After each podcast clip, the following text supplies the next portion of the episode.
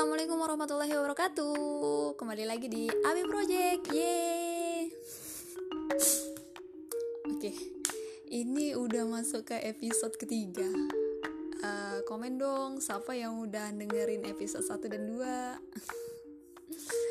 2 Masa sih nggak ada yang dengerin? Wah pokoknya harus dengerin dong. Di hmm, YouTube juga ada kok. Tapi kalau di YouTube yang bagian episode kedua itu dia nggak sampai full jadi kalian mesti denger di dengerin di sportif sportif apa sih bah, uh, nyebutnya? Itulah pokoknya di podcast aku lah pokoknya gitu. Jadi teman-teman aku punya cerita. Ceritanya lucu ceritanya menggemaskan ceritanya menggelikan ceritanya menjijikkan. Nah, pokoknya dengerin aja deh gitu ya. Jadi udah hari kedua aku sakit telinga kayak telinga sebelah kiri aku tuh bengkak gitu loh teman-teman. Oh iya aku se sebelum sebelum cerita aku mau uh, semangatin dulu dah uh, untuk teman-teman aku untuk semua pendengar Abi Project uh, yang besok puasa. Semangat puasanya semangat ayo ayo semangat. Lila for lila eh lila for lila. Semangat for lila gitu loh maksudnya. Jadi teman-teman itu tadi yang aku bilang ada cerita bagus sih ceritanya ya. Pokoknya harus didengerin deh pokoknya jadi teman-teman udah dua hari ini hampir dua ya du, udah dua hari ini telinga sebelah kiri aku tuh sakit. Di bagian teli, uh, daun telinga kayak gitu loh teman-teman. Ada kayak benjolan kecil. Aku pikir itu tuh kayak jerawat kayak gitu loh teman-teman. Jadi aku pencet ya aku pencet-pencet terus ada airnya sedikit kayak gitu. Aku pikir ya udah sih gitu kan. Next time ini bakalan besoknya udah udah kempes gitu kan. Tapi enggak ternyata teman-teman enggak kempes kayak gitu makin ngebesar gitu. Terus seluruh telinga aku yang yang yang sebelah kiri pokoknya ya daun telinga aku tuh padahal dia bengkaknya itu cuma bagian apa ya ujung daun telinga kayak gitu. Tapi seluruh telinga telinga aku tuh jadi sakit dan aku ngerasain kayak demam kayak gitu. Aduh alhamdulillah ya. Jadi aku cuma bisa ngucapin astagfirullahaladzim astagfirullahaladzim. Ketika nikmat telinga dicabut ini ini nikmat banget. Aduh nikmat banget cuma bisa kayak gitu doang. Sama ya ngebacain istighfar gitu ya. Kayaknya dosa aku banyak banget deh ini. Terus dosa-dosa untuk mendengarkan sesuatu hal yang gak baik kayaknya banyak banget deh. Udah udah mikirnya kayak gitu banget pokoknya Nah, jadi berawal dari sakitnya telinga aku ini yang aku pencet dan makin ngebesar benjolannya. Jadi aku buka YouTube, teman-teman. Aku buka YouTube. Aku kan telepon teleponan sama abang aku, abang kandung kayak gitu. Aku bilang kan aku kayaknya demam deh bang. Wah hati-hati. Udah udah mikir ke mana-mana tuh abang aku ya semoga aja aku dalam keadaan sehat walafiat ya teman-teman mohon doanya gitu kan jadi aku bilang kan apa jangan-jangan ini jerawat tapi udah aku pencet bang gitu kan aku bilang kayak gitu. Tapi nggak kempes makin ngebesar kayak gitu. Terus abang aku bilang jangan-jangan itu bisul katanya kayak gitu. Ah masa bisul di daun telinga sih? Aku bilang kayak gitu kan. Masa iya sih di daun telinga? Gitu kan. Itulah alasan aku buka YouTube. Aku cari bisul di telinga. Eh ternyata dapat teman-teman. Dapat gitu. Ternyata ternyata memang ada gitu kan bisul di telinga gitu oke jadi aku dapat satu video yang menggelikan menjijikkan. Intinya kayak gini. Katanya kalau kita hmm, kalau kita bisulan uh, ada obat yang nggak perlu bayar obatnya itu mudah uh, setiap kita memiliki obat itu katanya gitu kan. Terus aku buka sampai habis aku tuh sampai ih gitu lah pokoknya kayak gitu udah sampai ih gitu kan. Ternyata obatnya apa coba? Coba jawab apa coba? Obat bisul. Upil. Iya upil.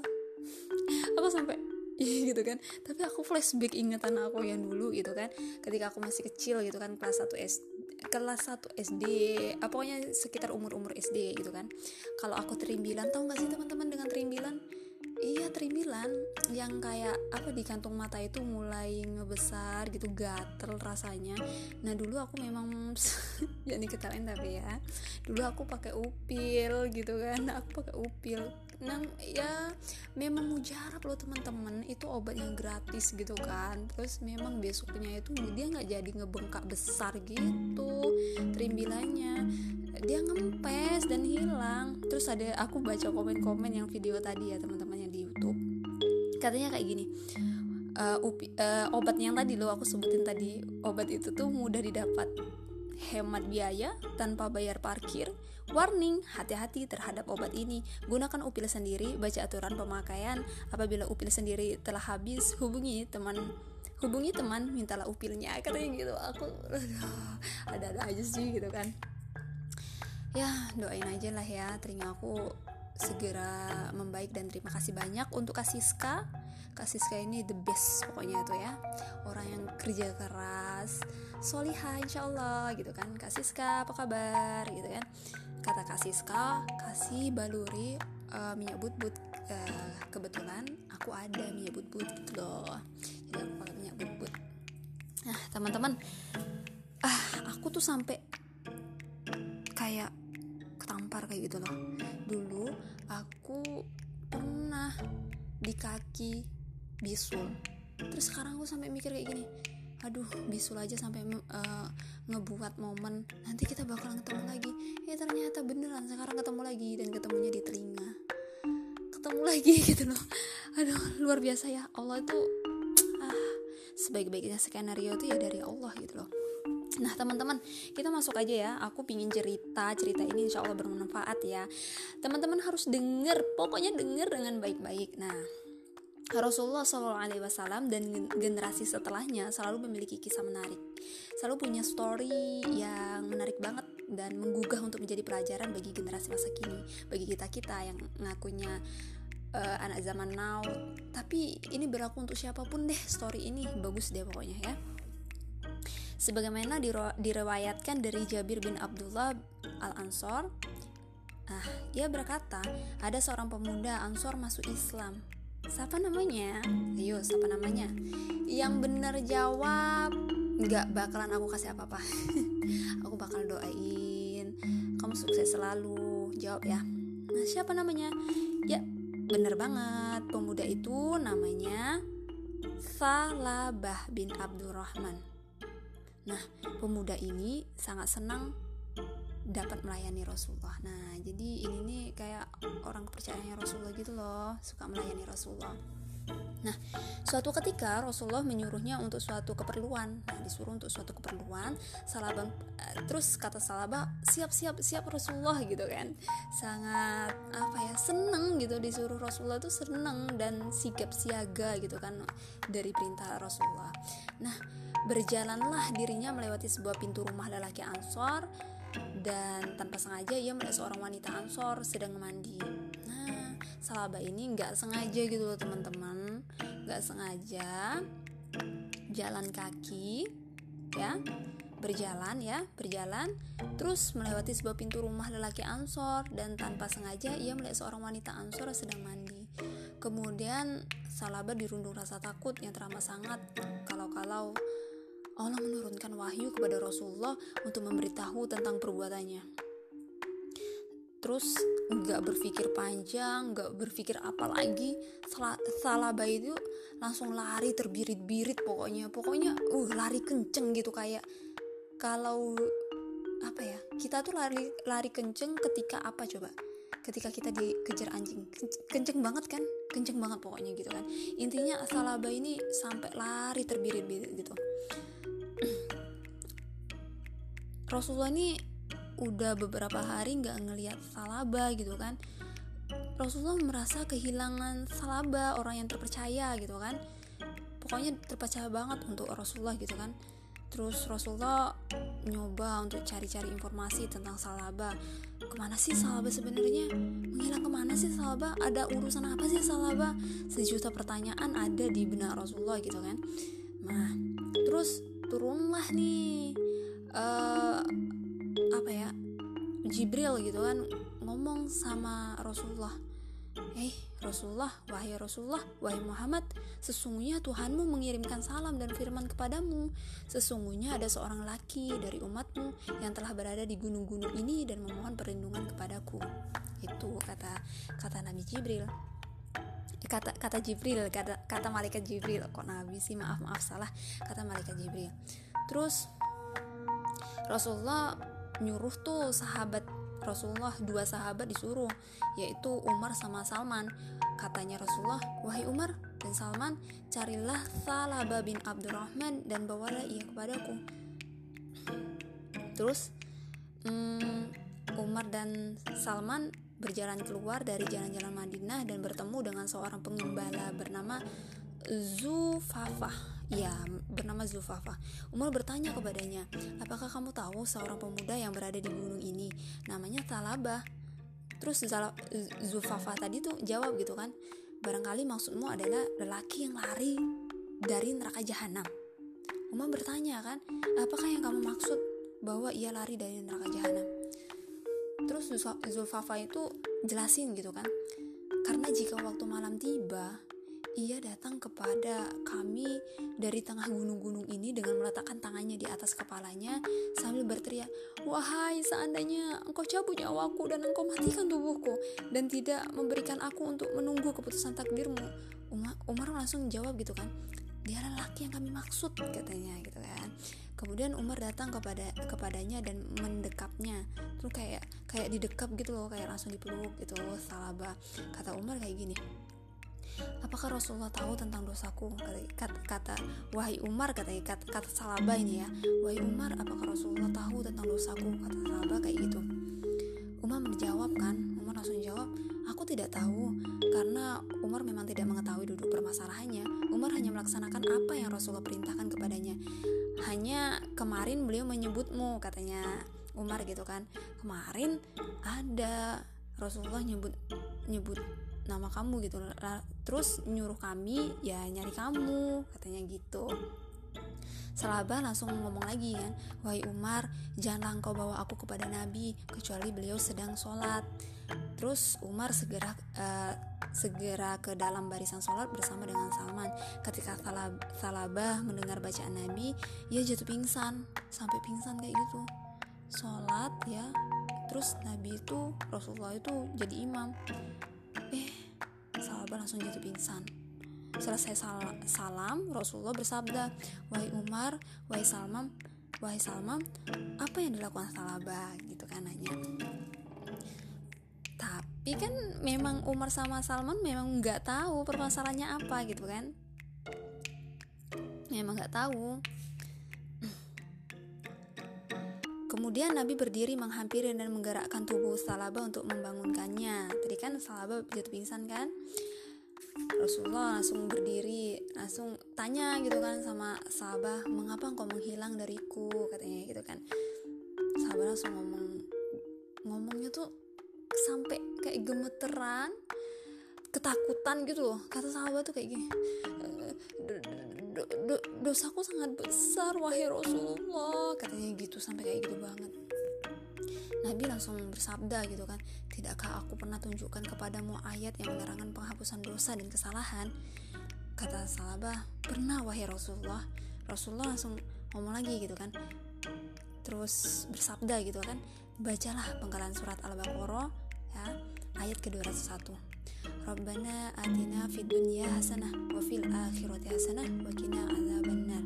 Ya Tuhan kami, berilah kami kebaikan di dunia serta kebaikan di akhirat dan peliharalah kami dari siksa api neraka. Dengan raut wajah dan suara yang diselimuti ketakutan, sahabat tuh langsung ngomong gitu kan, "Wahai Rasulullah, dosaku sangat besar." Nabi bersabda gitu kan. Bahkan firman Allah yang paling besar kemudian beliau menyuruh menyuruhnya pulang ke rumah ya. Langsung kata Rasulullah ya udah kamu pulang aja ke rumah katanya gitu kan. Terus sejak saat itu gitu kan sahabat sakit selama 8 hari. Udah ketemu Rasulullah udah dapet ayatnya gitu kan. Terus baca aja ini gitu kan kata Rasulullah. Tapi yang terjadi apa teman-teman? Sahabat tuh malah sakit selama 8 8 hari ya. Kemudian datang Salman kepada Rasulullah. Salman itu langsung datang ke Rasulullah langsung ngomong kayak gini wahai Rasulullah sudah tahu sudah tahukah engkau berita tentang Salabah? Sesungguhnya ia sedang sakit keras karena perasaan dosanya. Kata Rasulullah ya udah ayo kita kita jenguk katanya gitu kan. Terus udah nyampe nih ke rum di rumah Salaba Rasulullah tuh ini loh yang romantisnya Rasulullah dengan sahabat-sahabatnya ya. Rasulullah datang ke rumah Salaba terus Rasulullah tuh meletakkan paha Rasulullah uh, meletakkan kepala Salaba ke pangkuan Rasulullah gitu kan. Segitunya ya. Namun setiap kepala kepala Salaba tadi di pangkuan Rasulullah sahabat tuh uh, selalu menggeserkan gitu kan. Kayak nggak nggak mau gitu kan. Ngerasa nggak pantas banget gitu kan nggak pantas di pangkuan kepala pendosa di pangkuan seorang nabi yang maksum gitu kan. Itu perasaan salabah kata salabah apa? Kepalaku penuh dosa wahai Rasulullah katanya gitu. Apakah yang kamu lakukan? Tanya Rasulullah seperti itu kan. Seperti rayap dan selimut berada di antara tulang daging dan kulitku. Itu kata salabah dengan kiasan gitu kan kalau kita dijawab kayak gitu ngerti nggak sih gitu? Ngerti nggak maksudnya? Nggak ngerti ya? Kebanyakan kita tuh mau tuh poin gitu kan. Padahal Rasulullah dan apa ya kisah-kisah di Rasulullah itu menerangkan bagaimana hmm, apa ya ada cara gitu berkata gitu kayak ya. Nah terus kata Rasulullah apakah yang kamu senangi? Kata Rasulullah kayak gitu kan. Sahabat langsung ngomong ampunan Tuhanku katanya gitu. Kemudian Jabir berkata Jabir berkata, ketika itu turunlah Jibril.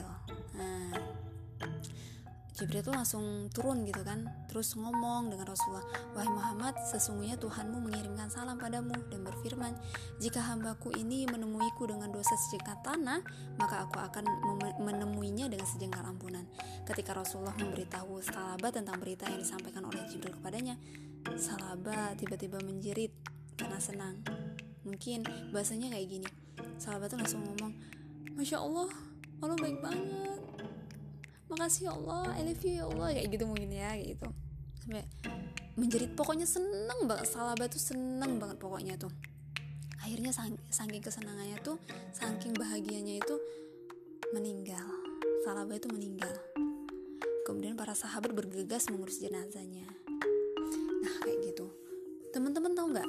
Di situ ada momen antara Salaba sama Rasulullah itu nanti kita bakalan ketemu lagi. Ketemunya di mana gitu kan? Setelah Rasulullah sholat berjamaah tadi kan jadi imam. Ya ada momennya gitu kan. Padahal ya kalau kita mengambil eh, kata-kata yang aku bilang itu ya nanti kita bakalan ketemu lagi. Artinya kan kalau nanti kita bakalan ketemu lagi artinya emang udah sebelumnya udah pernah ketemu ya gitu kan? Dan itu terjadi antara salabah salabah dan rasulullah yang mana Salaba ini emang orang kepercayaan Rasulullah pelayan Rasulullah terus menghilang tiba-tiba menghilang ya karena ngerasa aku manusia yang berdosa gitu kan. Sedangkan kita gitu kan kalau mata kita cuma ngelihat drakor gitu kan. Sekarang kan musim ya ngelihat drakor it's okay lah gitu kan. Drama Korea ini ini, ini gitu kan.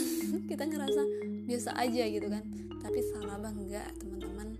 Salaba tuh aduh bener-bener menjaga indera pendengarannya gitu kan. Aduh pokoknya kayak gitu deh. Intinya teman-teman ambillah ibroh di setiap perjalanan ambillah ibroh di setiap story dan true, true storynya Rasulullah dan sahabatnya itu bener-bener apa ya terjadi. Ya bener-bener terjadi dan patut kita ambil pelajarannya. Karena nanti kita bakalan ketemu lagi. Assalamualaikum warahmatullahi wabarakatuh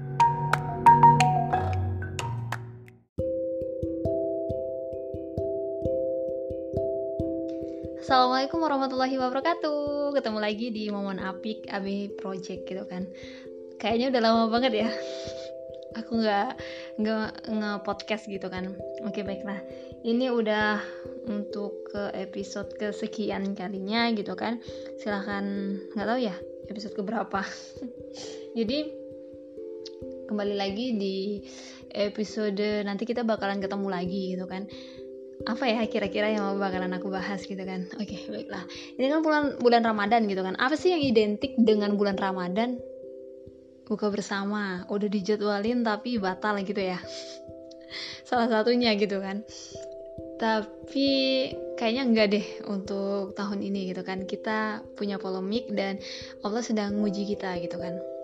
Oke. Okay. teman-teman aku tuh mau cerita sedikit gitu kan. Cerita ya lagi-lagi tentang uh, nanti kita bakal ketemu lagi gitu kan. Alhamdulillah kita udah udah udah terjadi momen nanti kita bakal ketemu lagi. Yaitu momen apa yaitu apa kejadian apa sih gitu kan ya. Ya bener banget kejadian tentang Ramadan gitu kan. Bisa nggak sih nggak terjadi nanti kita bakalan ketemu lagi? Bisa teman-teman bisa banget gitu kan. Itu bisa banget gitu kan. Ada seseorang yang apa ya hari pertama Ramadan tuh nggak ketemu dengan momen nanti kita bakalan ketemu lagi dengan Ramadannya itu nggak ketemu gitu kan. Ternyata Allah takdirkan dia dengan yang lain gitu kan. Uh, ya qadarullah gitu kan. Bisa jadi dipanggil sama Allah gitu kan atau yang lain gitu kan. Nah jadi momen nanti kita bakalan ketemunya tadi nggak nggak ketemu gitu kan. Tapi alhamdulillah yang uh, teman-teman semua adik-adik tingkat aku uh, alumni Seman Gaul Assalamualaikum adik-adik semua. Atau guru-guru aku guru-guru gaul yang lagi dengerin podcast podcast aku. Atau teman-teman majelis aku yang lagi dengerin. Atau adik-adik kajian Anissa Alma gitu kan lagi dengerin. Uh, barakallah ya karena udah ketemu dengan momen nanti kita bakal ketemu lagi dengan Ramadan gitu kan. Ya. perlu banget perlu banget aku aku sampaikan perlu banget kita banyak-banyak bersyukur karena kita masih dipertemukan dengan, dengan momen ini gitu kan. Ya Ramadan. Siapa sih yang nggak mau ketemu dengan Ramadan gitu kan? Bahkan aku juga nggak bisa menjamin gitu kan. Bahkan bisa jadi ya teman-teman ya kita hanya stop malam ini aja gitu. Besok kita nggak ketemu dengan Ramadan itu bisa banget gitu kan. Itu hak progresifnya Allah gitu kan. Maka yuk lagi-lagi kita bersyukur dan aduh Ramadan ini juga apa ya bener-bener harus menjadi bahan ajaran untuk kita semua gitu teman-teman. Karena di luar sana teman-teman ada saudara kita yang ya Allah gitu kan sulit gitu kan untuk puasa itu sulit gitu kan karena ya banyak hal lah gitu kan. Tapi ada juga saudara-saudara kita di luar sana tanpa menunggu Ramadan pun mereka sudah berpuasa gitu kan. Masya Allah itulah cara dia cara yang benar dalam menyambut Ramadan gitu kan. Teman-teman ya aku ucapin selamat buat teman-teman yang udah ketemu dengan momen api dan ketemu dengan momennya nanti kita bakalan ketemu lagi khususnya Ramadan gitu kan. Alhamdulillah. Nah tahu nggak sih teman-teman aku kalau kalau cerita tentang hmm, perang Yarmuk Iya, perang Yarmuk. Apa sih yang terpintas di benak teman-teman? Perang Yarmuk. Terus apa sih emang? Eh, emangnya apa itu kaitannya dengan nanti kita bakal ketemu lagi? Ya, oke okay, gitu kan. Aku tanya dulu, teman-teman ngerti nggak gitu kan? Apa sih apa sih yang terbe be, uh, yang terbesit di benak teman-teman kalau aku bahas tentang perang Yarmuk? Waduh tentang siroh ya gitu kan. Tentang siroh nih gitu kan. Aduh tinggi nih pembahasannya. Enggak teman-teman santai aja gitu kan. Jadi ya aku tertarik untuk uh, ngebahas bukan perangnya gitu kan tapi momen apa sih yang ada di perang Yarmuk itu gitu kan. Ada ada story apa sih di perang Yarmuk itu oke. Okay. nah di perang Yarmuk Di perang Yarmuk itu ada terkait momen itsar, momen momen itsar. Apa sih momen itsar itu? oke oke okay, kita bahas ya. Jangan sampai bingung gitu deh. Oke. Okay. Uh, eh, di perang Yarmuk waktu itu ya ada pemuda pemuda bernamakan Al Harits bin Hisam, Ikrimah bin Abdul Abul, ba Abul Bakar dan Suhaibil bin Amr. Nah, emang siapa ketiga orang ini? Gitu kan. Iya benar. Mereka bertiga itu sedang dalam keadaan kritis dan membutuhkan air. Ya. Nah, tiga pemuda ini lagi butuh banget dengan air gitu kan. Kalau kita butuh air ya tinggal ambil aja gitu kan di galon ya atau dispensernya. Mau mau dingin atau mau hangat gitu kan. Masya allah ya mudah ya. Tapi nggak teman-teman ini ada uh, ada sebuah story true story gitu kan. Tentang ya ada momen di perang Yarmuk itu ya salah satunya aku ambil tentang tiga tiga pemuda ini yang membutuhkan air gitu kan nah ketika Ikrimah meminta minum ia melihat Suhail memandangnya ya kemudian Ikrimah ini ngomong gitu kan berikan air itu kepadanya Suhail juga melihat Al Harith memandangnya Maka Suhail berkata, berikan air itu kepadanya. Namun Al Haris terlanjur gugur, ya. Al Haris ini terlanjur wafat gitu. Akhirnya ketiga-tiganya tadi ibaratnya ya udah kasihin ke dia dulu gitu kan. Nah, si dia itu udah dikasih air katanya ya udah aku kasihin ke dia karena dia lebih membutuhin gitu. Akhirnya apa? Ah, ketiga-tiganya tuh nggak nggak terselamatkan gitu kan. Akhirnya ketiga-tiga syahid gitu kan. Nah, masya Allah ya, masya Allah gitu kan. Jadi inilah uh, apa ya kisah tentang tiga pemuda yang apa ya mementingkan orang lain gitu kan, memiliki hubung, hubungan baik uh, dengan sekitar bukanlah bakat ya teman-teman ya. Misalnya aku nih punya hubungan baik dengan tetangga aku misalnya ya. Itu apakah karena bakat? Enggak teman-teman. Hubungan baik dengan masyarakat dan tetangga itu bukan masalah bakat bukan masalah skill bukan bukan pula hal yang hanya ya, dimiliki oleh orang-orang ekstrovert gitu. Lalu orang is, uh, introvert tuh nggak bisa enggak teman-teman.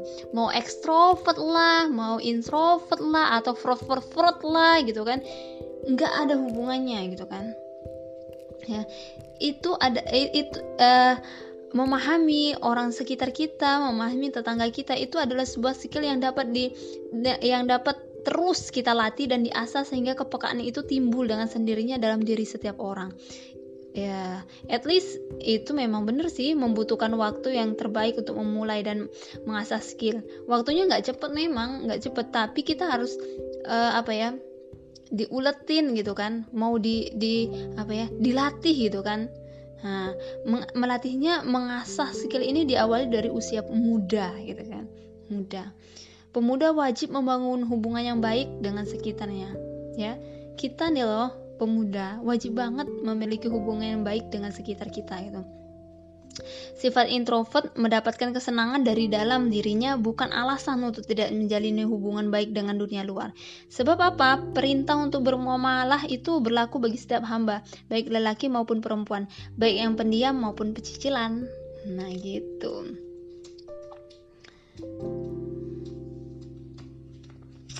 So, pernah nggak sih teman-teman dapat ayat yang ya tentang itulah gitu kan? Pernah nggak? aku tuh dulu pernah loh uh, ketika SMA ngafal ayat itu dan nggak ngerti nggak ngerti maksudnya apa gitu kan nah uh, gimana ya teman-teman kalau aku tanya apa ya sejauh ini gitu kan nyaman gak sih jadi orang muslim? gitu kan. Nyaman gak jadi orang muslim? Aku aku tanya nih nyaman gak jadi orang muslim? Atau selama ini misalnya ya aku udah 20 tahun misalnya atau 23 tahun misalnya atau 21 tahun misalnya gitu kan. Jadi selama umur segitu apa ya punya nggak sih rasa yang benar-benar bersyukur ya Allah bersyukur banget aku dapat uh, jadi orang muslim bersyukur banget itu pernah nggak sih ngerasain kayak gitu teman-teman? Nah uh, mus di, kita menjadi seorang muslim ya muslim ad, menjadi seorang yang Islam gitu ya teman-teman. Itu apa ya uh, mau tentang apa pun ya mau tentang apa pun dalam Islam itu ada teman-teman. Termasuk bermasyarakat tadi. Nah ada sebuah hadis ya teman-teman tentang bermasyarakat bermasyarakat tadi. Hadis dari hadis riwayat Ahmad At-Tabrani dan Ad-Darukutni. Nah katanya gini sebaik-baik manusia yang paling bermanfaat bagi manusia lain gitu kan. Hadis itu tuh apakah be, apa ya menunjukkan bahwa kita itu uh, tidak tidak tidak harus bermasyarakat harus kan? Tetapi cara yang paling memungkinkan untuk menjadi manusia bermanfaat bagi manusia yang lainnya itu hidup bermasyarakat itu tadi gitu kan. Bukan malah menghindari bermasyarakat you know. Uh, at least terserah deh kamu introvert extrovert atau vert yang lain gitu kan. Semisal misal nih ya teman-teman ada tetangga yang pompa airnya mati dan ternyata kita tuh bisa loh memperbaikinya maka itu sudah memenuhi anjuran yang termaktub dalam hadis yang tadi loh sebaik-baiknya manusia tadi gitu kan. Ya padahal cuma sepele gitu kan. Nah ada lagi uh, surat al-hujurat ya teman-teman kalau nggak salah uh, ayat ke-13 katanya gini hai manusia sesungguhnya kami menciptakan kamu dari seorang laki-laki dan seorang perempuan dan menjadikan kamu berbangsa banda berbangsa-bangsa dan bersuku-suku supaya kamu saling mengenal. At least kita tuh biar iya aku kenal dia loh gitu kan. Sehingga ada titik kita tuh sampai ngomong gini ih ternyata dunia ini kecil ya gitu kan. Sampai ngomong kayak gitu. Nah, sesungguhnya orang yang paling mulia di antara kamu kata Allah gitu kan adalah orang yang paling bertakwa di antara kamu. Sesungguhnya Allah Maha mengetahui lagi Maha meng mengenal gitu kan. Nah, jadi enak toh jadi seorang muslim ya. Hanya cuman misalnya punya keahlian hmm, benari pompa pompa air tangga gitu kan. Atau gini deh yang simpelnya, kamu punya hobi masak gitu kan. Ya, at least apalagi bulan Ramadan kayak gini lebihin masaknya, kasih tetangganya gitu kan kita nggak mengharapkan apa ya balasan enggak gitu kan. Tapi memang sunatullah ketika kita melakukan me, me, me, apa ya menanam benih gitu kan maka benih itu akan tumbuh gitu kan akan tumbuh gitu kan. Nah, uh, dosen aku tuh bilang kayak gini dosen aku bilang kayak gini kalau kita nanam padi kalau kita nanam ya padi insya Allah beras itu akan tumbuh gitu kan. Dan dan memang uh, rerumputan pun akan tumbuh. Tapi kalau kita apa ya? Kalau kita nanam rerumputan, mustahil padi itu akan tumbuh. Ngerti nggak teman-teman? Ya. Jadi kalau kita menanam kebaikan gitu kan, memberi kebaikan pada siapa pun dan bisa jadi balasan itu nggak dari orang yang kita perbuat baik tadi tapi dari orang lain gitu kan nah kebaikan itu insya Allah pasti ya. Kalau aku sendiri meyakini pasti akan kembali lagi. Nah itulah momennya tadi. Kita nanti kita bakal ketemu lagi. Momen yang apa ya kebaikan tadi. Ketemu lagi nanti. Nanti bakalan ketemu lagi gitu kan. Nah jadi jangan ragu gitu kan. Jangan ragu jangan ragu untuk berbuat baik apalagi bulan Ramadan.